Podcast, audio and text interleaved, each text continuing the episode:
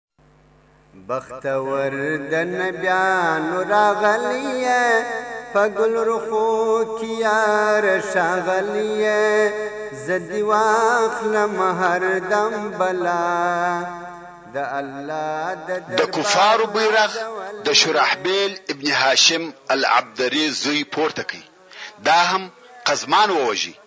دغه لس نفره چی ټوله د بنی عبدالدار څخه وه او بیرغ یې پورته کاوه اول تر اخره ووژل شوه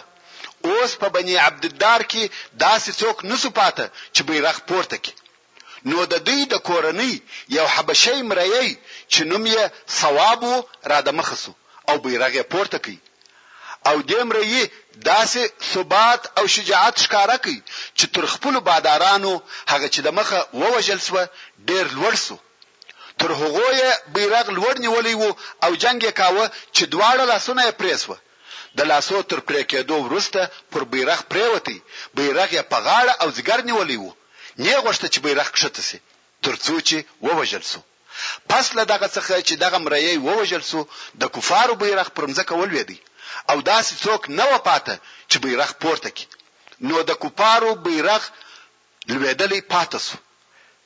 دغه د کفارو د بيرغ د جنګ په وخت کې د کفارو مشرانو سره وويل، که جنګ پر دغه قسم روان وي، زموږ شکست حتمي دی.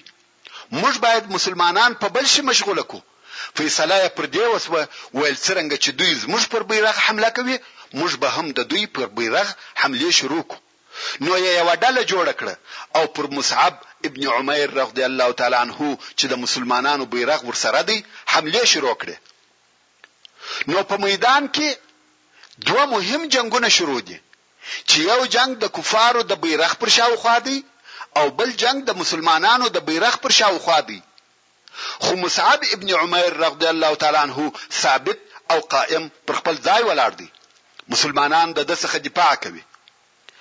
په دغه وخت کې چې د جنګ شدت د کفارو د بیرغ پر شاوخوا دوام لري، هلته د میدان جنګ په نورو ټولو نقطو کې هم ترخه جنګونه روان دي، د مسلمانانو پر زړو او بدنو ایماني تجلې غالبه وې او د کفارو د لښکر په څپو داسې ورننوتل لکه د اوبو سیلونه چې په شېلو کې ځغلي. ابو دجانه رضی الله تعالی عنه چې سر یې په سره دسمال تړلی او د رسول الله صلی الله علیه وآله وسلم توره یې په لاس کې وه، دا یې ټینګ عزم او قوي اراده کړې وه چې د دغه توري حق ادا کړي. په جنګ یې داسې شروع وکړه چې د کفارو په لښکر ورننوتی او هر مشرک چې په مخه ورځي وژني یې. د کفارو د لښکر صفونه یو په بل یو په بل پسې نړوي. زبیر ابن العوام رضی الله تعالی عنه وایي کوم وخت چې ما د رسول الله صلی الله علیه و علیه وسلم څخه توره وغوښته او ما ته را نکړه زما په زړه کې یو څه نا امیدي پیدا سوه او د ځان سره مې وویل زه د صفیه او د د صلی الله علیه و علیه وسلم د عمه زویم او د قریشو څخه يم زه تر ابو دجانه رضی الله تعالی عنه د مخه ور ولاړ شوم او توره مې ځنې وغوښته خو ماته یې را نه کړه او ده ته یې ورکړه نو په والله زه به په ابو دجانه پسې ګورم چې دی څه کوي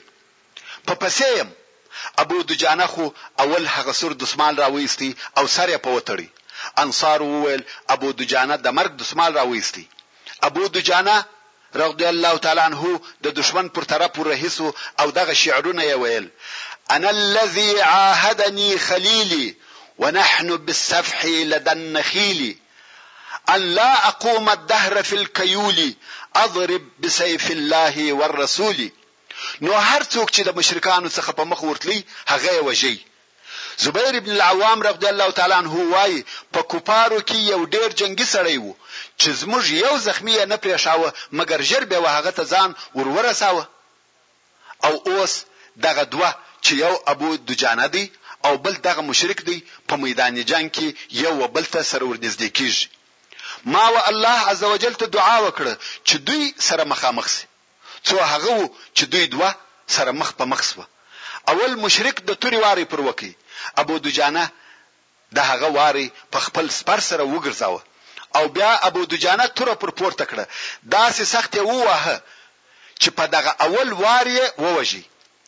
بیا نو ابو دجانه د کفارو په صفو ننوتی تر څو چې هغه د ښځو و مشرې او قومندانې ته ورسیدی تاسې پوهیږئ چې ښځې همېشه د لښکر تر شا وي، يعنې ابو دجانه رضی الله تعالی عنه په دغه جنګ او وهلو کې د کفارو تر لښکر ووت، ابو دجانه نه دی خبر چې دا ښځې دي، ابو دجانه وايي، يو انسان مې وليد چې د خلقو مخان يې په مونګاچو ورڅېرل، زه ورته ودرېدم، کوم وخت چې مې توره پر پورته کړه، چيغې يې کړې. که مې کتل هغه ښځه وه نو مې د رسول الله صلی الله علیه و آله وسلم توره تر دې مکرمه وبلل چې ښځه په ووهم، بېرته مې لاس را وګرځاوه. وروڼو! هغه ښځه هند بنت عتبه د ابو سفیان زوجه وه. زبیر ابن العوام رضی الله تعالی عنه وايي، ما ابو دجانه ولید چې توره یې د هند بنت عتبه پر سر پورته کړه او بېرته یې لاس کښته کړ، ویې نه وهل. ما د ځان سره وویل چې الله او رسول الله پوهیږي چې ولې یې ونه وهل. ابو دجانه رضی الله تعالی عنه د رسول الله صلی الله علیه وآله وسلم د تورې حق ور ادا کړ، دونه کفار یې په هغه توره ووهل چې واقعا هم توره د ډیرو وهلو څخه کږه شوه. کعب ابن مالک رضی الله تعالی عنه وایي، کوم وخت چې ابو دجانه توره واخیسته نو ما دا نیت وکړ چې زه باید دده معلومات وکړم، چې دی څه کوي؟ ایا رښتیا د تورې حق ادا کوي که یا؟ نو مې کوښښ کاوه چې په جنګ کې د ده پر شاوخوا یم چې ویې وینم چې دی څه کوي؟ او ابو دجانه هم په اوسپنه پټ او پوښلی و، یعنې خول او زغر او زغره یې اغوستې وه، مخ یې نه معلومېدی، نو کعب بن مالک وایي، ابو دجانه په دغه جنګ کې د یوه کافر سره په وهلو اخته و، د جنګ په مابین کې کافر په دې پوه شو چې وژني مې، نو کافر چې پر آس سپور و ځنې وتښتېدی، الا یې کړه، ځکه مرګ یې په سترګو ولیدی، ابو دجانه تر شا په پسې دی، توره یې پورته کړه، کافر یې پر سر په وواهه، د ابو دجانه د ډېره قوته کافر دوه ځایه شو او توره د هغه تر آسه ورسېده.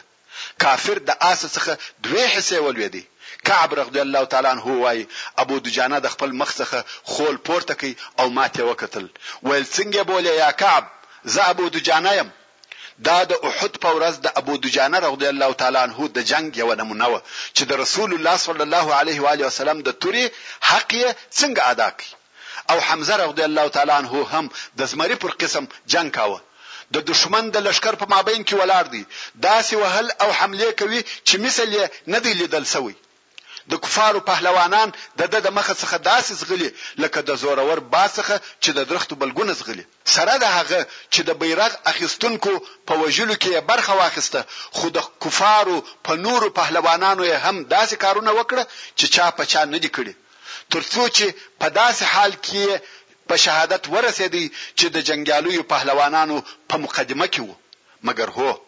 حمزه رضی الله تعالی عنه داسې و نه وژل شو لکه پهلوانان چې په میدان جنګ کې مخ په مخ وژل کیږي. بلکې داسې په خیانت سره د شاه د طرفه ووژل شو لکه پر هغه نامتو قهرمانانو چې په تاریکیو کې د شاه د طرفه حمله کیږي. د حمزه رضی الله تعالی عنه قاتل وحشي ابن حرب وايي، زه د جبیر ابن مطعم ریی وم هغه مطعم چې اکا یې د بدر په ورځ د مسلمانانو د طرفه وژل شوی و، کوم وخت چې قریش د احد و جنګ ته تله، جبیر ماته وویل، که تا د رسول الله صلی الله علیه و آله وسلم اکا، حمزه، زما د اکا په عوض کې ووژی، ته آزاد یې. وحشي وايي، زه چې یو حبشي ځوان وم او په نیزه مې داسې ویشتل کول چې ډېر لږ به زما واری خطا کېدی، نو مې دا سودا قبوله کړه او و احد ته د خپلې د خپلې ازادۍ لپاره راووتم. اوس چې دوه لښکره سره مخامخ او یو ځای شوه، نو زه د جنګ و میدان ته د حمزه د وژلو لپاره ور داخل شوم او په هغه پسې ګورم. کوم وخت چې مې دی د خلقو په مابین کې ولیدی، لکه هغه قوي اوښ چې خلق یوې او بلې خوا ته چپه کوي، وروڼو دا د وحشي وینا ده زۀ نه زۀ رانقلوم که نه زۀ د سیدنا حمزه رغدی الله تعالی عنه په باره کښې داسې مثالونه نه شم وئیلای او په هغه کتاب کښې چې زۀ چې زۀ دغه بحث ځنې رانقلوم هم عیناً دغه الفاظ لیکلي وه نو وحشي وائي هیڅ شی یې مخ ته نه شوای درېدلای وائي په والله ما د ده د پاره ځان تیاراوه او دی مې په کار وو نو به د یوې درختې یا یوې ډبرې تر شا پټ پټ کېدم چې ما ته رانږدې شي او واری پر وکړم. په دغه وخت کې سباح ابن عبدالعزی تر ما ور دمخه شو. حمزه رضی الله تعالی عنه چې هغه ولیدی ویل را دمخه شه یابن مقطعة البذور یعنی د چولکیانو د پرې کوونکي زو را دمخه شه ځکه د دغه سباح مور کوچنیان سنتول وحشي وايي، سباح ابن عبدالعزی یې داسې وواهه لکه سر چې یې په خپله په هوا شو. وحشي وايي، خپل نېزه مې څو واره وښورول چې د خپله نښانه څخه مې ښه اطمینان حاصل کړي نو مې پر ور وغورځول. نېزه د سیدنا حمزه رضی الله تعالی عنه په شا ننوتل او تر نس یې ووته خو حمزه رضی الله تعالی عنه نه ولوېدی. نېزه یې په نس کې ده خو بیا هم غوځار نه شو، مخ یې راواړاوه او زما پر طرف رارهي شو. وحشي وايي، ما خپل مرګ وليدی، نېزه يې تر نس وتلې ده او دی زما پر طرف رارهي دی. وايي، پوه شوم چې اوس نو ما وژني او په بېره کې شوم. کوم وخت چې ما ته رانږدې شو، غوځار شو.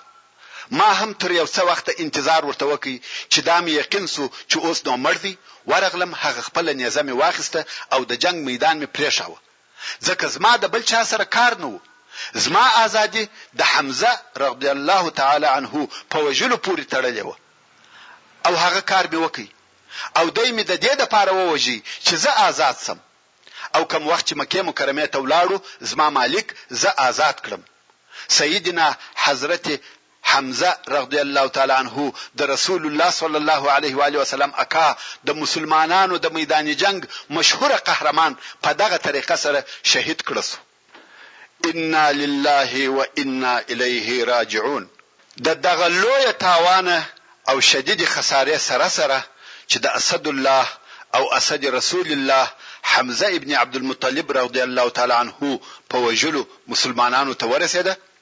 بیا هم مسلمانان پر ټوله میدان جنګ مسلط وه.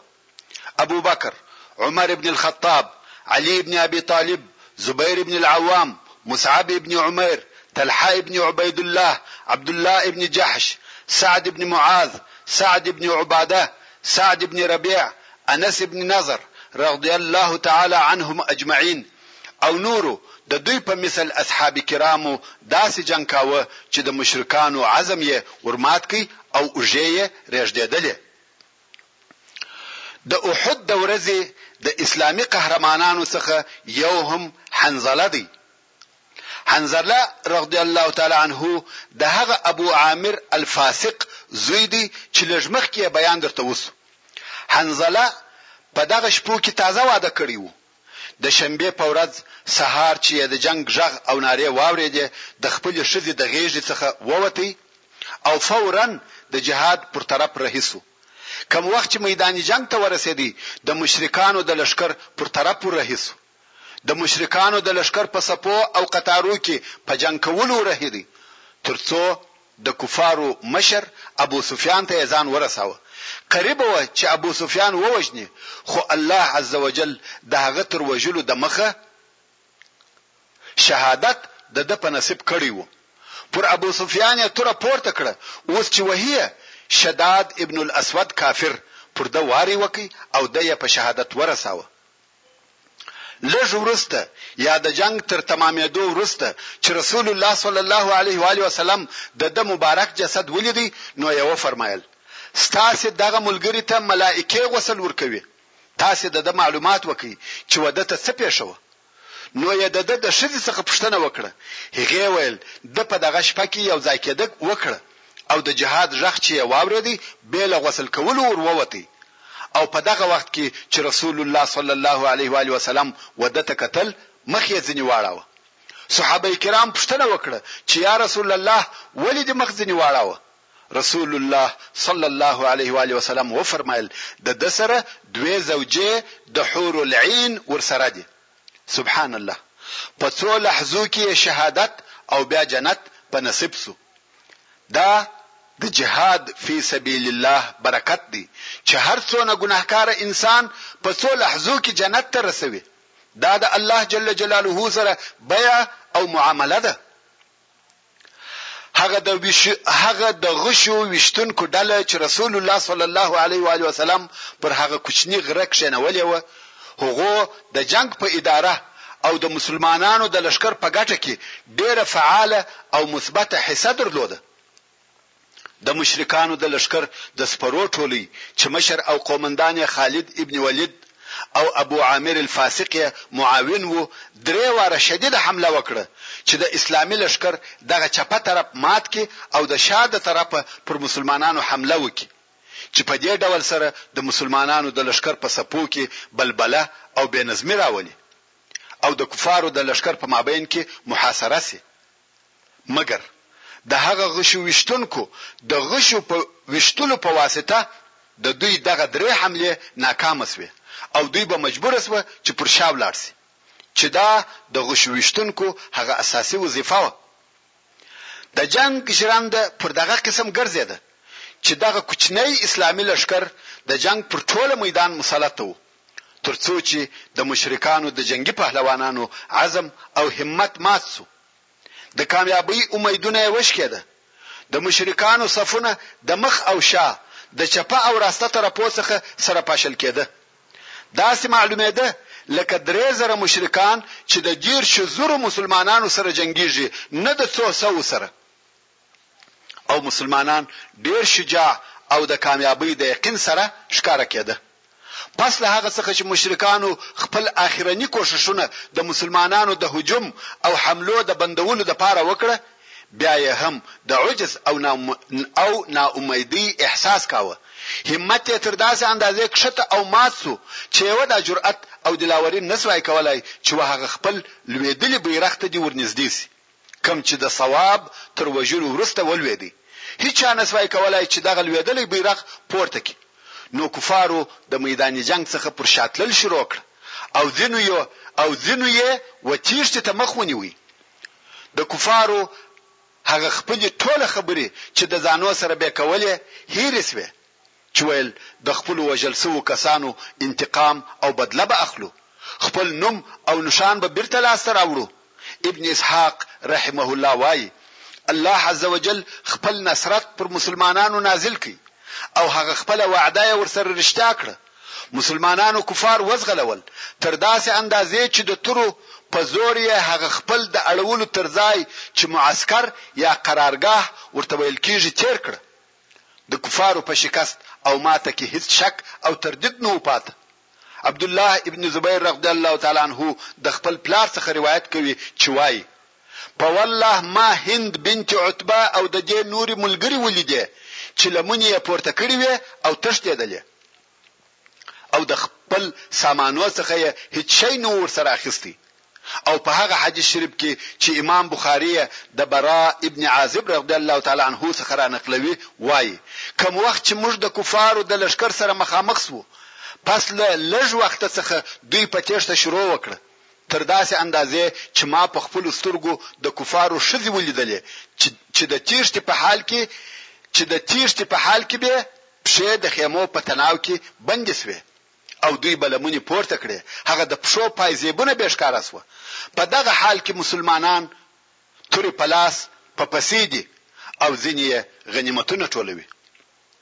په دغه وخت کې چې اسلامي کوچني لښکر د بل وار لپاره بیا د مکې مکرمې پر مشرکانو ښکاره او واضحه داسې بری لاسته راوړی چې د بدر تر بري او نصرت په کمه نه وو، د غشي ویشتونکو د ډلې ډېرو نفرو داسې رسوا کوونکې غلطي وکړه چې د میدان جنګ وضع یې پر بل مخ واړول او مسلمانانو ته یې ډېر درانه تلفات ورسول. دغه د دوی غلطي قریبه وه چې د رسول الله صلی الله علیه وآله وسلم د وژل کېدو سبب وګرځي. دغه د دوی غلطي د مسلمانانو پر هغه شهرت او هیبت، پر هغه دبدبې او کامیابۍ ډېر بد اثر وکړ. کومه چې تر بدر وروسته یې لاس ته راوړي وه. موږ مخکې د رسول الله صلی الله علیه وآله وسلم هغه واضح او شدید اوامر درته بیان کړه کوم چې دغه کوم چې دغه غشي ویشتونکو و ټولۍ ته یې صادر کړي وه چې ویل تاسې به په دغه غره کې پر خپل ځای ناست یاست، ستاسې زموږ د کامیابۍ او شکست سره هیڅ تعلق نشته. تر څو چې ما امر نه وي درته کړی خپل ځای به نه پرېږدئ.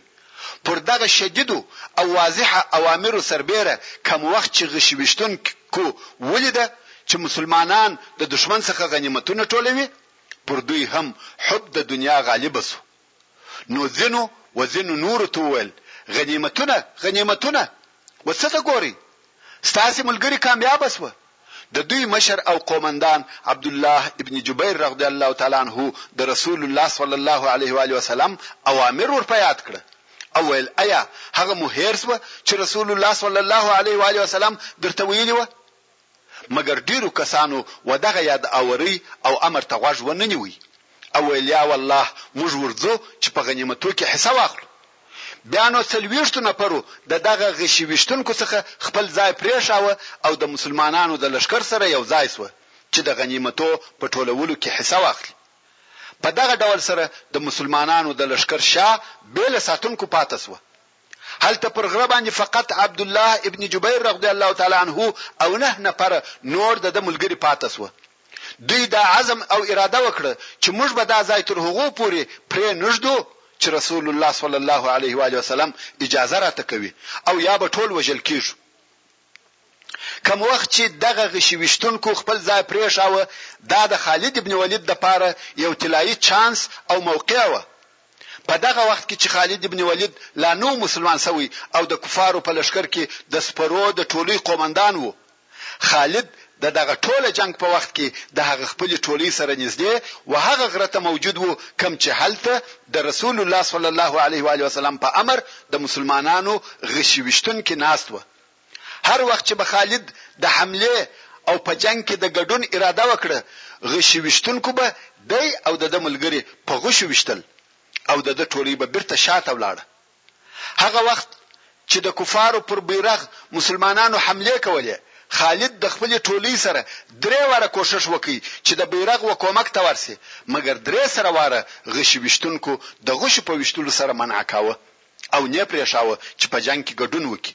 نو خالد ابن ولید او د ده د سپرو ټولۍ په ټوله جنګ کې معطله پاتې وه. نه د غره د طرفه پر مسلمانانو ورتلای سوای او نه جنګ ته داخلېدای سوای. مقصد دا چي دغه غشي ویشتونکو د احد په غزا کي ډېر اهمیت درلودی،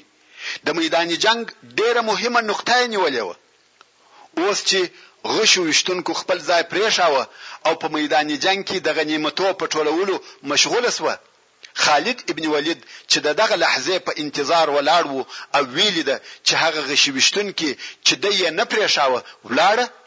ژر یې خپله ټولۍ امر کړه چې دغه غره ته درځئ. اوس نه غواړي چې د غره تر شا و میدان جنګ ته ورشي، بلکې په خپله پر غره ورخېژي. هغه لس نفره چې پر غره پاته وه هغو کوښښ وکړ چې د غشو په ویشتلو یې وګرځوي مګر لس نفره د پوره لښکر په مقابل کې څه کولای شي؟ خالد د خپلې ټولۍ سره غره ته وروخت، عبدالله ابن جبیر رضی الله تعالی عنه او د هغه سره پاته ملګري یې ټول په شهادت ورسول. اوس غر د خالد تر تسلط لاندې شو او بیا د غره تر شا د جنګ و میدان ته ور داخل شو. اوس د اوس د خالد ټولۍ د مسلمانانو د لښکر تر شا شوه. د مخه ټوله کفار د مسلمانانو د لښکر و مخ ته وه او اوس چې د غره تر شا ځینې کفار میدان جنګ ته ور تېر شوه نو د خالد ټولۍ د مسلمانانو د لښکر تر شا شوه. هلته ځینې مسلمانان په میدان جنګ کې غنیمتونه ټولوي او ځینې یې د پاته کفارو سره په جنګ مشغول دي، دلته د خالد د سپرو ټولۍ نارې او پر مسلمانانو حملې شروع کړې.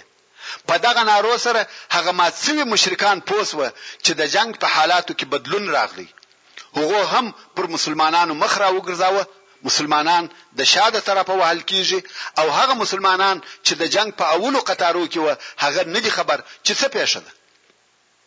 هغه بیرته پر شا را وګرځیده، په دغه وخت کې د کفارو څخه یوې ښځې چې عمره بنت علقمه الحارثیه وه د کفارو لویدلی بیرغ پورته کړ او شاوخوا مشرکان پر را وګرځیده یو د بله سره نارې کړې چې راټول شئ او جنګ مه پریږدئ، اوس هغه مسلمانان چې په بې خبري کې د شاه د طرفه د خالد ټولۍ پر راغله او وهي یې، د خالد د ټولۍ څخه د مخوه طرف ته ځغلي او د میدان جنګ د اولو صفو مسلمانان چې په هیڅ نه دي خبر د شاوه طرف ته وګرځېده. هلته د خالد د ټولۍ څخه چې ځغلي د دوی په مخه ورځي او په تورو یې وهي ځکه جنګ دی ټول په زغرو پټ دي دوست او دښمن نه سره پیژندل کیږي اوس په خپله د مسلمانانو په مابین کې جنګ شروع شو او د بلې خوا مسلمانان د مخ او د شا د طرفه څخه وهل کیږي مسلمانان د میدان جنګ په مابین کې داسې سوه لکه د ژرندې د دوو پلو په مابین کې چې وي یا لکه د غچي په خوله کې چې راشي د دواړو طرفو څخه وهل کیږي. په دغه وخت کې رسول الله صلی الله علیه وآله وسلم د مسلمانانو د یوې کوچنۍ نه نفري ډلې سره د لښکر تر شا ولاړ و. د مسلمانانو قهرمانانه جنګ او د کفارو تېښته یې لیده چې ناببره او په پوره بې خبرتیا کې یې د خالد ابن ولید د سپرو ټولۍ د مسلمانانو تر شا ولیده. اوس نو دلته د رسول الله صلی الله علیه و آله وسلم و مخ ته دوې لارې وې چې یا به په ډېره چابکي سره خپل ځان او دغه نه نفره ملګري د امان او پټ ځای ته رسوي او خپل محاصره شوی لښکر به و خپل تقدیر ته پرېږدي چې څه ورته پېښېږي هغه به ورته پېښ شي او یا دا چې خپل ځان په خطر کې واچوي، خپلو پاشلو اصحابو ته ورنارې کړي چې د ده صلی الله علیه و آله وسلم پر شاوخوا راټول شي او د هغو څخه بېرته یوه قوي جبهه جوړه کړي چې د هغو په واسطه خپل محاصره شوی لښکر د محاصرې څخه خلاص او د احد د غره ولوړو ته یې بوځي. دلته نو د رسول الله صلی الله علیه و آله وسلم بې مثله شجاعت او عبقریت وځلېدی، په لوړ آواز سره یې خپلو اصحاب کرامو ته ورنارې کړه، عباد الله! رسول الله صلی الله علیه و آله وسلم پوهېدی چې د ده آواز به تر مسلمانانو د مخه مشرکان واوري، هغه مشرکان چې په ټولو مسلمانانو کې یې تر هر چا د مخه رسول الله صلی الله علیه و آله وسلم په کار وو، مګر بیا یې هم په لوړ آواز سره نارې کړله، عباد الله انا رسول الله، د الله بندګانو زه رسول الله یم، دلته راسئ! په دغه خطرناک وخت کې رسول الله صلی الله علیه وآله وسلم په دغه ناره سره خپل ځان په خطر کې واچاوه، مګر مسلمانان چې د کفارو په محاصره کې لوېدلي وه، صحیح فکر یې له لاسه ورکړی و، بې له خپلو ځانو څخه د بل شي په فکر کې نه وه، ډېرو یې د تېښتې لار اختیار کړه او د جنګ میدان یې پرېښاوه او دوی نه پوهېده چې وروسته څه کېږي او څه پېښېږي تر داسې اندازې چې ځینې تښتېدونکي خلق و مدینې منورې ته ورسېده او ځینې یې و غره ته وختل ځینې چې د جنګ د اولو صفو څخه راګرځېده د مشرکانو په لښکر ګډ شوه. دوه لښکره سره ګډ وډ دي، مسلمان او مشرک یې نه سره معلومېږي. دلته نو پخپله په مسلمانانو کې قتل او وژنه پېښ شوه. ځینو مسلمانانو ځینې نور مسلمانان د نه پېژندګلوۍ په سبب وژل امام بخاري د حضرت عائشې رضي الله تعالی عنها څخه روايت کوي چې وايي، کوم وخت چې د احد ورځ وه او کفارو واضحه ماته وخوړه، ابليس نارې کړه، يا عباد الله اخراکم، يعني د شا د طرفه څخه ځانونه وساتئ، چې دښمن د شا د طرفه درغلی، په دغه ناره سره د مسلمانانو د صفو اول خلق راوګرځېده. او د خپلو وروستنیو څپو سره یې په وهلو شروع وکړه حتی حذیفه ابن یمان رضی الله تعالی عنه وایي چې ما خپل پلار ولیدی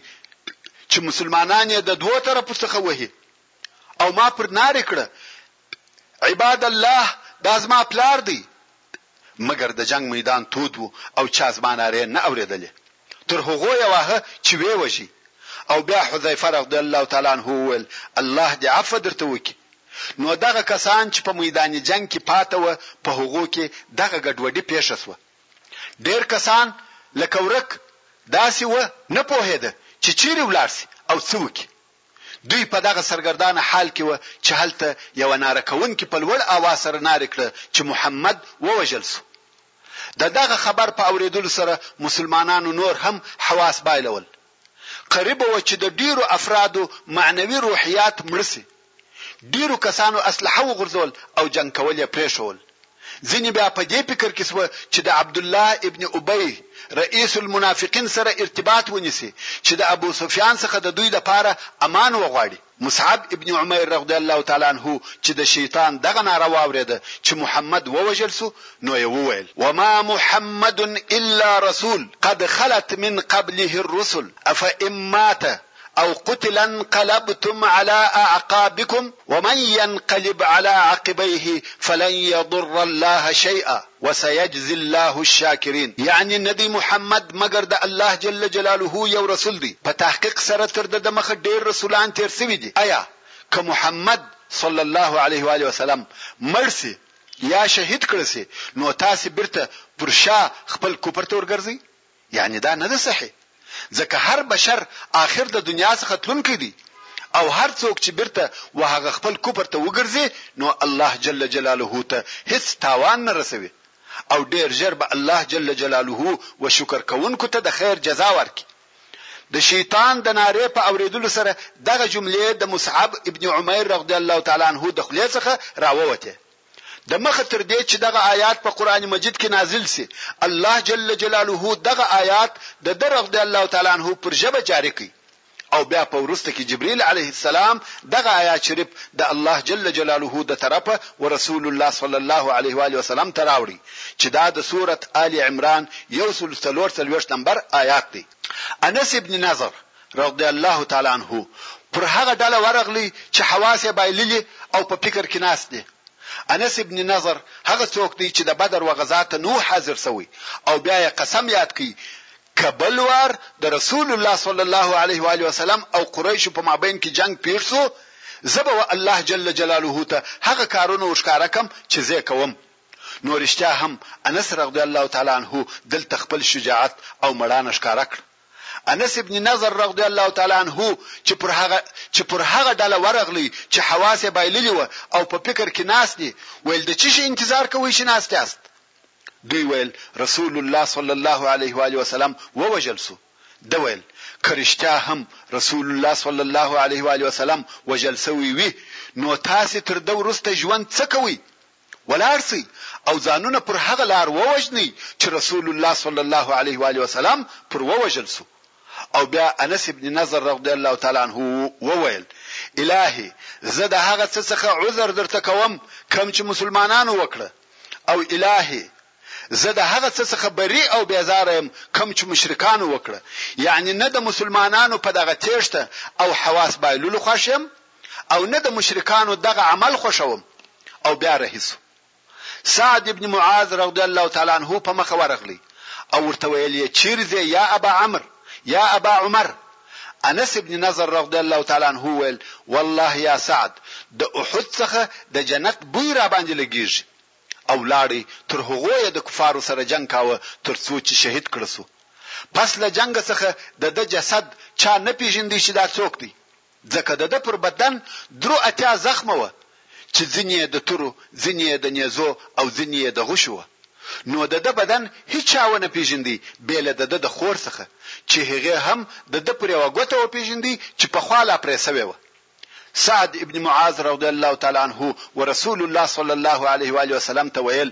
والله یا رسول الله زما په وسه نه وه پوره چې داسې کار وکړم لکه انس ابن نضر چې وکړ. وروڼو! څوک داسې جهاد کولای شي؟ څوک د دښمن سره دونه مخامخ کېدلای شي؟ څوک دونه تحمل او مقاومت کولای شي چې درو اتیا زخمه دې زخمي شي او دی دې جنګ کوي؟ یو سړی یو ځای زخمي کېږي او د جنګ د میدانه څخه وځي. دوه زخمه خو څوک په تکلیف زغملای شي، مګر درو اتیا زخمه او بیا دې هم جنګ کوي؟ سعد رضی الله تعالی عنه وايي، موږ یې بدن لڅ کړ، په ټوله بدن کې یې د یوې لویشتې ځای نه و پاته چې زخم دې نه وي خوړلی، یعنې ټول جوړ ځایونه چې سره یو ځای کې یوه لویشت نه کېده، د الله عزوجل په لار کې یې ټوله بدن خوړین شوی و. ثابت ابن دحداح الانصاري وخپل قوم ته ورنارې کړه، يا معشر الانصار! که محمد صلی الله عليه واله وسلم وژل شوی وي، الله جل جلاله حی دی، نه مري، پر خپل دين باندې وجنګېږئ، الله ستاسې ناصر او کاميابه کوونکی دی، د انصارو څخه یو څو نفره د ده ملګري شوه او د خالد د سپرو پر ټولۍ یې حمله وکړه تر څو چې خالد په نیزه ووژي او د ده نور ملګري هم شهیدان شوه. د مهاجرینو څخه یو نفر په میدان جنګ کې پر یوه انصاري ورغلی چې په خپلو وینو کې سره اوښتی. مهاجر ورته وویل، ای فلانیه! ایا ته خبر شوې چې محمد ووژل شو؟ یعنی تا دا خبر واوریدی؟ مهاجر ځان ته معلومات کوی چی خبر رشتیا دی که درواغ نو ویل ته خبر سوی چی محمد صلی الله علیه و آله وسلم ووژل سو؟ انصاری ویل که محمد وژل سوی وی هغه خپل رسالت ورساوه اوس تاسی پر خپل دین وجنګیږی په دغه قسم قربانیو او شجاعت سره د مسلمانانو د جنګیالیو معنویات او احساسات بیرته راژوندی سوه و دوی ته د دوی عقلونه او تدبیر بیرته را وګرځیده نو یا هغه د تسلیمیدو او یا دا چې د عبدالله ابن ابی سره د خلاصون د پاره رابطه ونیسي افکار د دماغه وایسته خپلې اسلحې یې واخیستې او د مشرکانو پر لښکرو یې حملې شروع کړې کوښښ کوي چې د قیادت مرکز ته ځانونه ورسوي په عین وخت کې دا معلومات هم ورته وشوه چې هغه د رسول الله صلی الله علیه و آله وسلم د وژل کېدو خبر هم یو جوړ شوی یو جوړ شوی درواغ وه. دې معلوماتو د دوی قوت او همت نور هم ور زیات کړ، نو خود پس له ترخه جنګه او ټینګ مقاومته څخه د هغه محاصرې څخه خلاص شوه او په کراره کراره د خپل مرکز پر شاوخوا سره جمعه کېده هلته د صحابه کرامو په جمله کې یوه بله درېیمه ډله هم وه چې د هغو لپاره بل هیڅ شی دونه مهم نه و بې له د رسول الله صلی الله علیه وآله وسلم د ساتنې څخه چې دغه ډلې د محاصرې په ماتېدلو او ورسول الله صلی الله علیه وآله وسلم ته د ځان په رسولو کې هجوم او حملې شروع کړې چې د دغه ډلې په مقدمه کې حضرت ابوبکر صدیق رضی الله تعالی عنه، حضرت عمر فاروق، حضرت علی بن ابی طالب رضی الله تعالی عنهم وه. که څه هم دوی د جنګ په اولو صفو کې وه، خو کوم وخت چې د رسول الله صلی الله علیه وآله وسلم پر مبارک ذات خطر حس کړ، نو اوس د ده صلی الله علیه وآله وسلم څخه د دفاع کوونکو په مقدمه کې ودرېده. کوم وخت چې د مسلمانانو د لښکر ډېره حصه هلته په محاصره کې وه او د مشرکانو د ژرندې د دوو پلو په مابین کې میده کېده، هلته د رسول الله صلی الله علیه وآله وسلم پر شاوخوا ډېر شدید جنګ روان و. موږ مخکې درته وویل، کوم وخت چې مشرکانو د محاصرې عملیه شروع کړه، د رسول الله صلی الله علیه وآله وسلم سره بې له نو نفرو بل هیڅوک نه وه. او کوم وخت چې رسول الله صلی الله علیه و آله وسلم و مسلمانانو تورناری کړه الی عباد الله انا رسول الله مشرکانو هم د د صلی الله علیه و آله وسلم आवाज واوریدي او وی پیژندي د مخه تر دې چې رسول الله صلی الله علیه و علیه وسلم ته د مسلمانانو د لشکره څخه یو څوک را ورسیږي کوپارو په خپل ټول قوت او شدت سره پر د علیه الصلاۃ والسلام حمله وکړه نو د مشرکانو او د دغه نو نفرو اصحاب کرامو په مابین کي داسي شدید جنګ شروع سو چي په هغه کي د محبت او قربانۍ، شجاعت او فداکارۍ نادره او بې مثله نمونې ښکاره سوې. امام مسلم د انس ابن مالک رضی الله تعالی عنه څخه روایت کوي، چې رسول الله صلی الله علیه و آله وسلم د احد په ورځ د نو نفرو سره یوازې پاته وو چې اووه نفره یې انصار وه او دوه نفره یې مهاجرین چې دغه مهاجرین طلحه ابن عبید الله او سعد ابن ابي وقاص وه کم وخت چې کفار ودا علیه الصلاۃ والسلام ته ورنږدې سو رسول الله صلی الله علیه و علیه وسلم و فرمایل څوک دغه کفار زما څخه شړي او لری کوي او هغه لره جنت دی یا په جنت کې زما ملګری دی. د انصارو څخه یو سړی ور دمخه سو، تر هغو یې جنګ کاوه چې ووژل سو. کفار نور هم و رسول الله صلی الله علیه وآله وسلم ته ور نږدې سوه، دغه رنګه یو یو نفر د انصارو څخه ورته درېږي تر څو چې و سره ووژل سوه. رسول الله صلی الله علیه وآله وسلم و خپلو مهاجرو ملګرو ته وویل، موږ د خپلو ملګرو سره انصاف ونه کړ، او د هغه اوو نفرو انصارو آخري نفر عماره ابن یزید ابن سکن رغدی الله تعالی عنه وو، ده هم تر هغو جنګ وکړ چې زخمونه یې ډېر شوه او پر مځکه ولوېدی. د عماره ابن یزید رغدی الله تعالی عنه تر غوځارېدلو او لوېدلو وروسته فقط رسول الله صلی الله علیه وآله وسلم او دوه قریشي ملګري یې پاته شوه. امام بخاري او امام مسلم د ابي عثمان رضي الله تعالی عنه څخه روايت کوي چې وايي، د احد د ورځې په ځینو وختو کې د رسول الله صلی الله علیه و آله وسلم سره بې له طلحه ابن عبید الله او سعد ابن ابي وقاص رضي الله تعالی عنهما څخه بل هیڅوک نه و پاته او دغه نو نسبت د رسول الله صلی الله علیه و آله وسلم و ژوند ته هغه مشکل ترین وخت او ساعت وو. او و کفارو ته یو طلایی چانس وو چې په لاس ورغلی خو مشرکانو هم د دغه طلایی موقع او فرصې څخه په استفاده کولو کې هیڅ سستی او ټمبلی ونه کړه غواړي چې د دغه وخت څخه اعظمی فایده واخلي نو یې خپلې حملې ټوله و رسول الله صلی الله علیه و آله وسلم ته متوجه کړې او په دې امید دي چې دی علیه الصلوة والسلام د بینه یوسي په دغه وخت کې عتبه ابن ابي وقاص چې د سعد ابن ابي وقاص رضي الله تعالی عنه ورور دی او مشرک دی رسول الله صلی الله علیه و آله وسلم په ډبره وویشتی او ډبره د رسول الله صلی الله علیه و آله وسلم پر مخ وموښته د رسول الله صلی الله علیه و علیه وسلم د راسته طرف په کښته زامه کې هغه غاښ ووتی چې په عربي کې رباعیه ورته ویل کیږي او رباعیه هغه غاښ دی چې د نیښ او د مخ د دوو جوړه غاښو په مابین کې دی او د رسول الله صلی الله علیه و آله وسلم لاندې شونډه زخمي شوه په دغه وخت کې عبد الله ابن شهاب الزهري کافر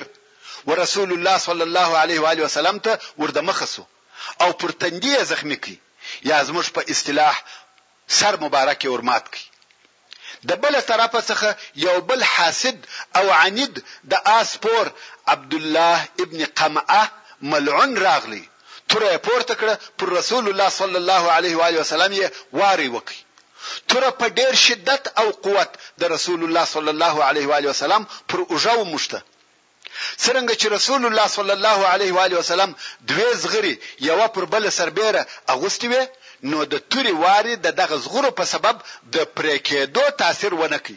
ځکه توره پر اوسپنه وموښته، مګر واری ډېر قوي او شدید وو، تر یوې میاشتې زیات رسول الله صلی الله علیه و آله وسلم د اوږې د درد څخه شکایت کاوه. فکر وکړئ دغه کافر لعنت الله علیه په څونه قوت سره رسول الله صلی الله علیه وآله وسلم وهلی وو چې د هغه وهلو څخه تر یوې میاشتې زیات د رسول الله صلی الله علیه وآله وسلم اوږه خوږېده دوهم وار بیا ابن ام قمعه ملعون پر راغلی او رسول الله صلی الله علیه و علیه وسلم یې په توره په ډیر قوت او شدت سره پر سر ووهه او ویل واخله زه ابن قمعه یم. رسول الله صلی الله علیه وآله وسلم چې د خپل مبارک مخ څخه وینې پاکولې ورته ویې ویل، اقمعک الله یعنې الله دې ذلیل که. الله عز وجل د رسول الله صلی الله علیه وآله وسلم دغه دعا قبوله کړه. ابن قمعه چې د دغه جنګ څخه خپل کور ته ولاړی نو بیا وخپلو پسو ته ورووتی. د ده پسونه چې د غره پر یوه لاښ ګرځېده، دی هلته ورغلی، د پسو په مابین ور ننوتی، د ده د پسو څخه یو ښکرور وزګړي پر راعلا کړه او ده یې په سر داسې وواهه چې د غره د لاښه څخه یې لاندې واچاوه، په ګېلېدو لاندې ولوېدی، ټوک ټوک او مردار شو. نو دغه ابن قمعه چې دوهم وار بیا په قوت سره په توره پر سر وواهه، د هغه خول چې د اوسپنې د زنځیرانو څخه جوړ شوی و او د رسول الله صلی الله علیه و آله وسلم پر سر و، د یوه زنځیر دوې حلقې یا دندانې د رسول الله صلی الله علیه و آله وسلم په سر ننوتلې. پر دغه سربېره بیا هم رسول الله صلی الله علیه و آله وسلم ولاړ دی سره د دې چې پر رسول الله صلی الله علیه و آله وسلم د تورې دوه ډېر سخت او شدید وارونه وسوه خو بیا هم پر رسول الله صلی الله علیه و آله وسلم کې طاقت سته او مقاومت کوي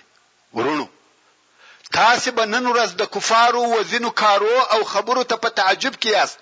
چې دوی ولې پر رسول الله صلی الله علیه و آله وسلم دغسې ناوړه خبرې کوي، خو دا د تعجب وړ او د تعجب ځای نه دی. تاسې د رسول الله صلی الله علیه و آله وسلم و ژوند ته وګورئ چې د دعوت د اولې ورځې څخه د شیطان نوکرانو زموږ د لارښوونکي نور سره څه کول او څۀ کړي دي. خو الله عزوجل خامخا خپل دين غالب کړی او غالب کوی د سپو غپاوه اسمان ته نه رسيږی يا وايی د سپی په خوله درياب نه مرداريږی په صحيح حديث کی راغلی دی کوم وخت چی د رسول الله صلی الله عليه وآله وسلم مبارک غاښ مات سو او په سر کی زخمی سو رسول الله صلی الله عليه وآله وسلم د خپل مبارک مخ څخه وينی پاکولې او ويل يې څنګه به هغه قوم خلاص او کامیاب شي چې دوی د خپل نبي مخ ور زخمي کړ او غاښ یې ور مات کړ حال دا چې دغه نبي یې و الله ته دعوتوي الله عزوجل په دغه باره کې د سورة آل عمران په یو سلو اته ویشت نمبر آیات کې فرمایي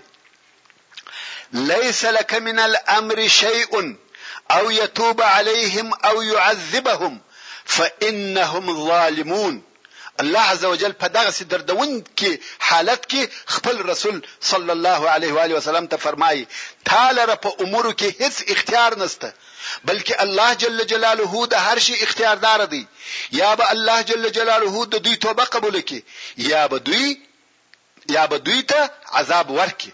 او بېشکه چې دوی ظالمان دي، وروڼو، په حق سره مشرکان د خپل وحشت او بربریت په سبب د دې وړ او لایق وه چې رسول الله صلی الله علیه وآله وسلم ښرا ورته وکړي مګر د الله جل جلاله دا اراده وه چې خپل رسول تر هغه خپل جلیل او عظیم منصب نور هم لوړ او عظیم کړي. او د خپل رسول د ښو اخلاقو یوه ډېره لوړه او شانداره نمونه قائمه کړي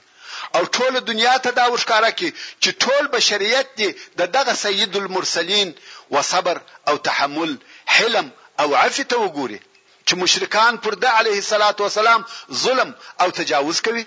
او دی صلی الله علیه وآله وسلم و هغو ته یوه ښه راه هم